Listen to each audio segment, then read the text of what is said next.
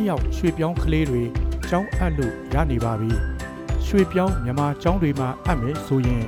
ကလေးမွေးစရင်ကျောင်းပြောင်းကျောင်းထွက်လက်မှတ်အချို့ကျောင်းများတွင်မလိုအပ်မိဘ၏တရားဝင်အထောက်အထား passport CI စာအုပ်ပိုင်းရောင်က work permit ပါကလေးငယ်တွေပညာသင်ကြားခွင့်မဆုံးရှုံးစေဖို့ကျောင်းအနှံကြပါစို့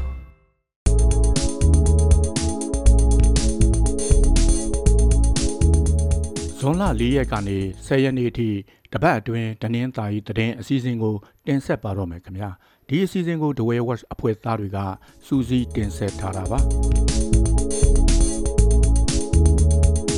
တနင်္သာရီမြို့နယ်ချောင်းကြီးကိုရွာမှာရှိတဲ့စစ်ကောင်စီတပ်ကိုပြည်သူ့ကာကွယ်ရေးပူးပေါင်းတပ်တွေကဇွန်လ6ရက်နေ့မှာဝင်ရောက်တိုက်ခိုက်ခဲ့ပါတယ်အဲ့ဒီရွာကစာတင်ကျောင်းမှာယာယီတက်ဆွဲထားတဲ့စစ်ကောင်စီတပ်ကိုမွန်းလွဲ2နာရီဝန်းကျင်မှာတိုက်ခိုက်ခဲ့တာပါ တိုက်ပွဲကတနာရီနီးပါးအချိန်ကြာခဲ့ပြီးအလစ်အငိုက်တိုက်ခိုက်ခဲ့တာကြောင့်စစ်ကောင်စီတပ်သား10ဦးဝန်းကျင်သေဆုံးခဲ့တယ်လို့ဒဏ်ရာရသူတွေလည်းရှိတယ်လို့ဆိုပါတယ်ပြည်သူ့ကာကွယ်ရေးပူးပေါင်းအဖွဲ့ဘက်ကတော့2ဦးဒဏ်ရာရပြီးမစိုးရိမ်ရဘူးလို့ဆိုပါတယ်တိုက်ပွဲဖြစ်နေချိန်နဲ့စစ်ကောင်စီတပ်ပြန်ဆုတ်ချိန်မှာဗန်းလမော့တောင်ကျောတလျှောက်ကိုလက်နက်ကြီးအချက်20ကျော်ပစ်ခတ်ခဲ့တယ်လို့ဆိုပါတယ် လက်ရှိမှာတော့ဒေတာတွင်စစ်ရေးတင်းမာမှုတွေရှိနေတဲ့အတွက်မလိုအပ်ဘဲခရီးမသွားကြဖို့ပြည်သူ့ကာကွယ်ရေးတပ်ကမြစ်တာရက်ခံထားပါတယ်ဇွန်လ2ရက်နေ့ကလည်းတနင်္သာရီမြို့နယ်သိန်းတော်ရွာကစစ်ကောင်စီတပ်ရှေ့တန်းကင်းစခန်းကိုပြည်သူ့ကာကွယ်ရေးမဟာမိတ်တပ်ပေါင်းစုကရှောင်းတခင်ဝင်ရောက်တိုက်ခိုက်ခဲ့ပါတယ်။ မိနစ်30လောက်ကြာတဲ့တိုက်ပွဲအတွင်းစစ်ကောင်စီတပ်သားတအူကြီးထိမှန်လဲကျသွားတာကိုမြင်လိုက်ရပြီးပြည်သူ့ကာကွယ်ရေးမဟာမိတ်တပ်ပေါင်းစုဘက်ကတော့ထိခိုက်မှုမရှိဘူးလို့ဆိုပါတယ်။တိုက်ပွဲအပြီးမှာစစ်ကောင်စီတပ်ကလက်နက်ကြီးနဲ့ပစ်ခတ်တာကြောင့်အနီးဝန်းကျင်ကြီးရွာကနေအိမ်တစ်လုံးပျက်စီးခဲ့တယ်လို့ဆိုပါတယ်။တနင်္သာရီမြို့နယ်ထဲကစစ်ဘီးရှောင်အချို့ငှက်ဖျားနဲ့ဝမ်းပြဲဝမ်းလျှော်ပိုးအဖြစ်များလာကြပါတယ်။ တနင်္သာရီမြို့နယ်ပြည်သူ့ကာကွယ်ရေးအဖွဲ့ပကဖလက်အောက်ခံစစ်ကြောင်းနှစ်နယ်မြေထဲမှာဖြစ်ပွားနေတာပါ။အဲ့ဒီနယ်မြေမှာစစ်ရှောင်100လောက်ရှိနေပြီးသူတို့ဟာစစ်ဘီးရှောင်စခန်းအနေနဲ့တီးခြားမရှိဘဲနီးစပ်ရာဆွေမျိုးတွေနဲ့ဥယျင်တောတောင်တွေထဲယာယီနေထိုင်ကြတာလို့ဆိုပါတယ်။ပြီးခဲ့တဲ့မေလကငှက်ဖျားတိုက်ဖိုက်နဲ့ဝမ်းပြက်ဝမ်းလျှော်ဖြစ်သူ90ကျော်အထိရှိခဲ့ပြီးကလေးတွေလည်းပါဝင်တယ်လို့ဆိုပါတယ်။ အရင်လတွေကတော့တလကိုပြန်မြ9ယောက်လောက်ပဲဖြစ်ပွားခဲ့တာလို့ဆိုပါတယ်။ဒါအပြင်ချောင်းထဲမှာရေနှဲပါပြီးခန်းချောက်လာတာကြောင့်ရေမသက်ရှင်းတော့ပဲအရေးပြားယောဂါဖြစ်သူတွေလည်းများလာတယ်လို့ဆိုပါတယ်။တရက်ချောင်းမြို့နယ်တရက်နှစ်ခွရွာကအထက်တန်းကျောင်းခွဲကိုကျောင်းဆက်မဖွင့်ဖို့လက်နက်ကင်အဖွဲ့တစ်ခုကတတိပေးပြောဆိုထားသလိုစစ်ကောင်စီကလည်းကျောင်းဆက်ဖွင့်ထားဖို့ဖိအားပေးနေပါတယ်။ ဇွန်လ9ရက်နေ့ကအရက်ဝတ်လက်နက်ကင်10ယောက်လောက်ရောက်လာပြီးဆရာမတွေနဲ့ကျောင်းသားမိဘတွေကိုခေါ်ပြီးကျောင်းဆက်မဖွင့်ဖို့တတိပေးပြောဆိုခဲ့ပါတယ်။အဲ့ဒီလက်နက်ကင်အဖွဲ့ကနောက်ဆုံးအကြိမ်တတိပေးတာဆိုပြီးပြောဆိုခဲ့တယ်လို့ဆရာဆရာမတွေရဲ့မှတ်တမ်းတွေပါယူဆောင်သွားတယ်လို့ဆိုပါတယ်။ဒီလိုတတိပေးပြီးနောက်မှာတော့ကျောင်းဆက်မဖွင့်ရဲတော့တယ်လို့မိဘတွေကလည်းကျောင်းသားတွေကိုပြန်ခေါ်သွားကြတယ်လို့ပြောပါတယ်။ဇွန်လ9ရက်နေ့မှာတော့စစ်ကောင်စီဘက်ကចောင်းသားမိဘတွေအပါအဝင် တအိမ်တယောက်နှုံးခေါ်ပြီးចောင်းပြန်ဖွေဖို့အစည်းအဝေးခေါ်ပြန်တယ်လို့ဆိုပါတယ်။ကျောင်းပိတ်ဖို့ဖိအားပေးတာမလုပ်ကြဖို့အတွက်ဒေသခံတွေကပြည်သူ့ကာကွယ်ရေးတပ်ဖွဲ့ကိုပြောပေးကြဖို့ကိုလည်းစစ်ကောင်စီကပြောဆိုစေခဲ့ပါတယ်။ဒါအပြင်ကျောင်းကိုဇွန်လ15ရက်နောက်ဆုံးထားပြန်ဖွင့်ဖို့ကိုလည်းဖိအားပေးခဲ့တယ်လို့ဆိုပါတယ်။တရက်နှစ်ခွရွာအထက်တန်းကျောင်းခွဲဟာမြိတ်တဝယ်ပြည်ထောင်စုကားလမ်းဘေးမှာရှိပြီးကျောင်းသူကျောင်းသား130ကျော်ကျောင်းတက်နေကြတာပါ။ ဇွန်လ6ရက်နေ့မှာတော့တရချောင်းမြို့နယ်အုတ်တူရွာရှိနေအိမ်နှလုံးကိုမီးရှို့ခဲ့တဲ့စစ်ကောင်စီတပ်စစ်ကြောင်းဟာအနီးဝန်းကျင်မှာရှိတဲ့ကြေးရွာလေးရွာထက်မနည်းကိုဝင်ရောက်ရှာဖွေစစ်ဆေးနေပါတယ်။ကြောက်လေကားဟင်းပုတ်ချောင်းအင်းပြာကြာအင်းကြေးရွာတွေကိုဝင်ရောက်ရှာဖွေနေကြတာပါအဲ့ဒီရွာတွေကဒေသခံတွေကိုအိမ်ထောင်စုစည်ရင်းနဲ့တိုက်ဆိုင်စစ်ဆေးတာတွေအလုတ်အကင်မေးမြန်းတာတွေလည်းလှုပ်ဆောင်ခဲ့တယ်လို့ဆိုပါတယ် စစ်ကောင်စီတပ်ဝင်လာချိန်မှာထွက်မပြေးပဲကိုယ့်အိမ်မှာနေထိုင်ကြဖို့နဲ့ထွက်ပြေးတာတွေ့ရင်ပြစ်မယ်ဆိုပြီးချင်းချောက်ပြောဆိုခဲ့တယ်လို့ဒေသခံတွေကပြောပါတယ်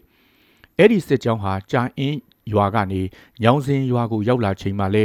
တင်နှက်ပြစ်ဖောက်ခဲ့တယ်လို့ဆိုပါတယ်။စစ်ကောင်စီတပ်ကတရချောင်းမြို့နယ်ထက်ကကြီးရွာတွေကိုဖျက်ချက်ပြီးစစ်ကြောင်းထိုးနေလို့ဒေသခံအချို့ထွက်ပြေးတိမ်းရှောင်နေကြရတယ်လို့ဆိုပါတယ်။ တရချောင်းမြို့နယ်ထဲမှာဖျဲသီးဆယ်ကားမောင်းသမားတအူဇွန်လ၁ရက်နေ့ညကပြစ်ဒတ်ခံလိုက်ရပါတယ်တဝယ်ဘက်ကနေမြိတ်ဘက်ကိုမောင်းလာချိန်ည၈နာရီလောက်မှာစုံစင်ဖျားရွာနဲ့၆ချောင်းရွာကြားမှာမြိတ်မြို့နယ်စန်းတဝက်ရွာနေအသက်53နှစ်အရွယ်ဦးဆန်နီပြစ်သက်ခံလိုက်ရတာပါပြင်းဖြူသားရွာစစ်ကောင်စီကအုပ်ချုပ်ရေးမှုလည်းဖြစ်ပြီးပြည်သူစစ်ခေါင်းဆောင်လည်းဖြစ်တဲ့ဦးစော်ဝမ်းရဲ့ကားလာမယ်လို့သတင်းရထားလို့ပြည်သူ့ကာကွယ်ရေးတပ်ကသွားဆောက်နေတာလို့ဆိုပါတယ် ဒီလိုစောင့်နေချိန်မှာဖျဲသီးတင်တဲ့ကားရောက်လာပြီးစစ်ဆေးဖို့တားရာကရက်မပေးလို့၆လှက်ပြစ်ခတ်ရာကတေဆုံးခဲ့တာလို့ဆိုပါတယ်။ကားပေါ်ပါလာတဲ့အမျိုးသမီးနှစ်ဦးကတော့ထိခိုက်တာမျိုးမရှိဘူးလို့ဆိုပါတယ်။ဇွန်လ2ရက်နေ့မှာတော့ပြင်းဖြူသားရွာစစ်ကောင်စီခတ်အုပ်ချုပ်ရေးမှုနဲ့ဆီယာမ3ဦးလိုက်ပါလာတဲ့ကားဟာစုံစင်ဖျားရွာနဲ့6ချောင်းရွာအကြားမှာရှိတဲ့32မိုင်နားမှာပဲမိုင်းဆွဲခံခဲ့ရသေးတယ်လို့ဆိုပါတယ်။ တရချောင်းမြို့ကနေចောင်းသုံးစာအုပ်တွေထုတ်ပြီးအပြန်လန်းမှာမိုင်းဆွဲခံရတာဖြစ်ပြီးမိုင်းကကျူပေါက်သွားလို့လူသူထိခိုက်တာမရှိဘူးလို့ဆိုပါတယ်ပြည်သူ့ကာကွယ်ရေးတပ်တွေကဇွန်လ9ရက်နေ့မှာကျွန်းစုမြို့နယ်ပဲ့တိုင်ရွာကိုဝင်ရောက်စီးနင်းပြီးပြူစောထီခေါင်းဆောင်ဦးကြီးလှရဲ့နေအိမ်ကိုမိရှုသွားပါတယ်။ပြည်သူ့ကာကွယ်ရေးတပ်ကအဲ့ဒီရွာကိုလှေသုံးစီးနဲ့ဝင်ရောက်လာတာလို့ဆိုပါတယ်။ ပြည်သူ့ကာကွယ်ရေးတပ်ကဝင်ရောက်စီးနင်းချိန်မှာပြူစောထီတွေကဖျားတောင်ပေါ်ကတုတ်ချင်းကနေပြန်လည်ပစ်ခတ်လို့နှစ်နာရီလောက်အပြန်အလှန်ပစ်ခတ်မှုဖြစ်ခဲ့တယ်လို့ဆိုပါတယ်။ပြူစောထီခေါင်းဆောင်ဦးကြီးလှကတော့မြိတ်မြို့ကိုရောက်နေတယ်လို့ဆိုပါတယ်။ပြည်သူ့ကာကွယ်ရေးတပ်တွေကပြူစောတိအဖွဲ့ဝင်တွေရဲ့နေအိမ်အချို့ကိုလည်းဝင်ရောက်ရှာဖွေခဲ့တယ်လို့ဒေသခံတွေကပြောပါတယ်ဒီလိုလာရောက်တိုက်ခိုက်ခဲ့ပြီးတဲ့နောက်ကျေးရွာတာဝန်ခံတဲ့ကျောင်းအုပ်ဆရာကြီးကမြိတ်မြို့ကိုတင်းရှောင်သွားကြတယ်လို့ဆိုပါတယ်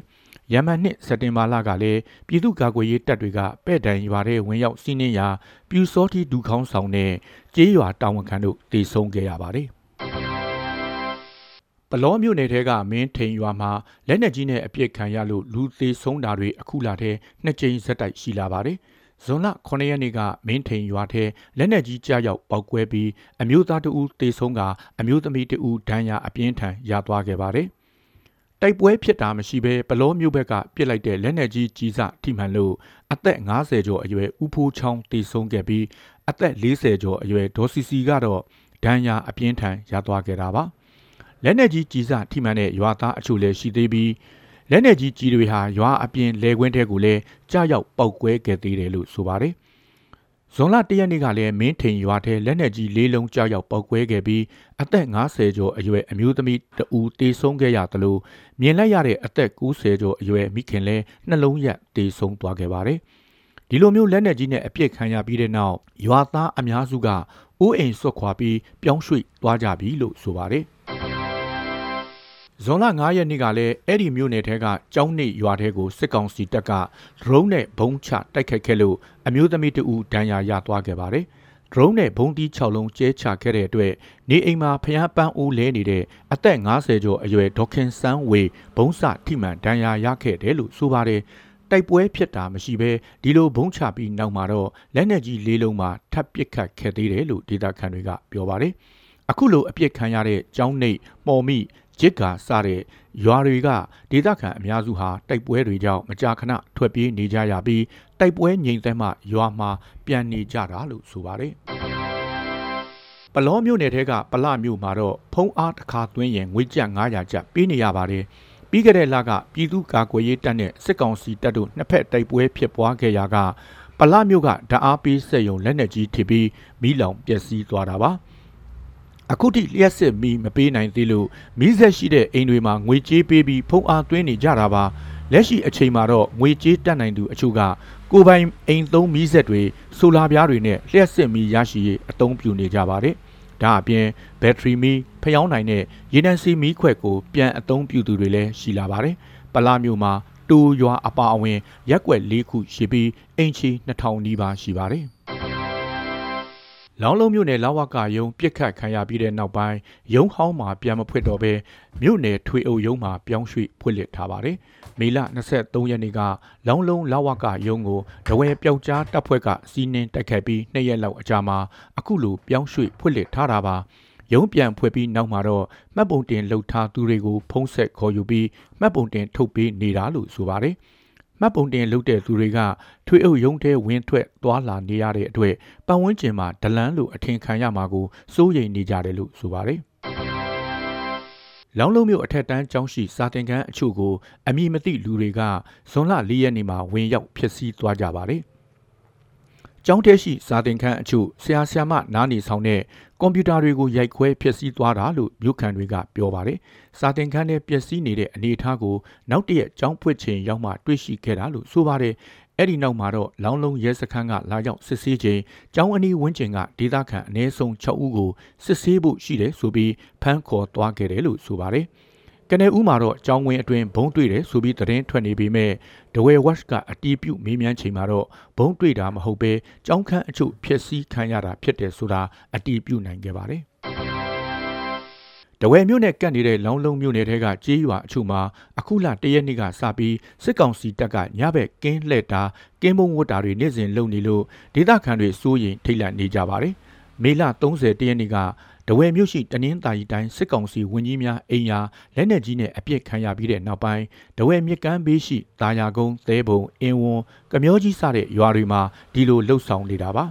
ဒီလိုအခြေအနေတွေကြောင့်ဒေသခံပြည်သူကာကွယ်ရေးတပ်တွေနဲ့အခြေမရွေးတိုက်ပွဲဖြစ်လာနိုင်တယ်လို့စစ်ကောင်စီတပ်စစ်ကြောင်းနဲ့လမ်းမှာတွေ့ရင် PDF လို့ဆွဆွဲပြီးဖမ်းဆီးပစ်ခတ်ခံရနိုင်တဲ့အတွက်စိုးရိမ်နေကြတာလို့ဆိုပါတယ် ဒါအပြင်သဲပုံရွာရှိအင်းဝတောင်နဲ့အနီးတစ်ဝိုက်မှာစစ်ကောင်စီတပ်ကတပ်ဆွဲနေရာယူထားပါတယ်။အရင်ကကြိတ်ကြိတ်တိုးသွားကြည့်လိရှိတဲ့တက္ကသိုလ်ဝန်ထမ်းအောင်စင်းရင်ဟာဒီနှစ်မှာတော့ဒဝယ်မြို့ပေါ်မှာသွားကြည့်သူမရှိသလောက်ဖြစ်နေပါတယ်။တက္ကသိုလ်ဝန်ထမ်းအောင်စင်းရင်ကိုတနိုင်ငံလုံးအတိုင်းအတာနဲ့ဇွန်လ9ရက်နေ့မနေ့စောစောမှာထုတ်ပြန်ကြေညာခဲ့တာပါ။ ဒဝဲမြို့ကနောင်မဲကြီးကျောင်းတွေဖြစ်တဲ့အမှတ်1အမှတ်2အမှတ်3အထက်တန်းကျောင်းတွေမှာမနေ့9နာရီကျော်တဲ့အထိကျောင်းဝင်းတကားတွေပိတ်ထားတာတွေ့ရပါတယ်။အမှတ်2အထက်တန်းကျောင်းသားကခရိုင်ပညာရေးရုံးမှာလည်းအောင်စင်းကတ်ထားတာတွေ့ရပါတယ်။အခုပညာသင်နှစ်မှာကျောင်းသုံးပုံနှိပ်စာအုပ်တွေဈေးနှစတက်လာပါတယ်။တဝဲမြို့ပေါ်ရှိအထက်တန်းကျောင်းတွေမှာကျောင်းအပ်သူများလာတဲ့အတွက်ပြင်ပဈေးကွက်မှာပုံနှိပ်စာအုပ်တွေဈေးတက်လာတာပါ။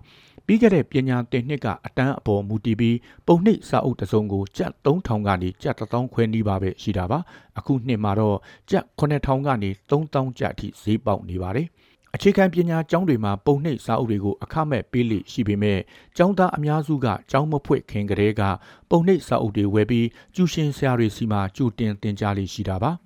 ကျောင်းသုံးပုံနှိပ်စာအုပ်ဈေးတက်နေပေမဲ့ဝယ်လူအားများပြီးပစ္စည်းပြတ်တဲ့အထိရောင်းနေရတယ်လို့ဆိုပါတယ်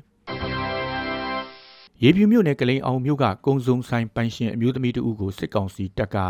ဇွန်လ10ရက်နေ့ကဖမ်းဆီးသွားခဲ့ပါတယ်။အမှတ်3ရက်ကွက်မှာနေထိုင်တဲ့အသက်30ကျော်အရွယ်မချူချူဦးရဲ့ကုံစုံဆိုင်ကိုစစ်ကောင်စီတပ်သားတွေရောက်လာပြီးဖမ်းဆီးသွားတာလို့ဆိုပါတယ်။အဖမ်းခံရတဲ့အကြောင်းရင်းကိုတိတိကျကျမသိရသေးသလိုဘယ်မှာဖမ်းထားတယ်ဆိုတာလည်းမသိရသေးဘူးလို့ဆိုပါတယ်။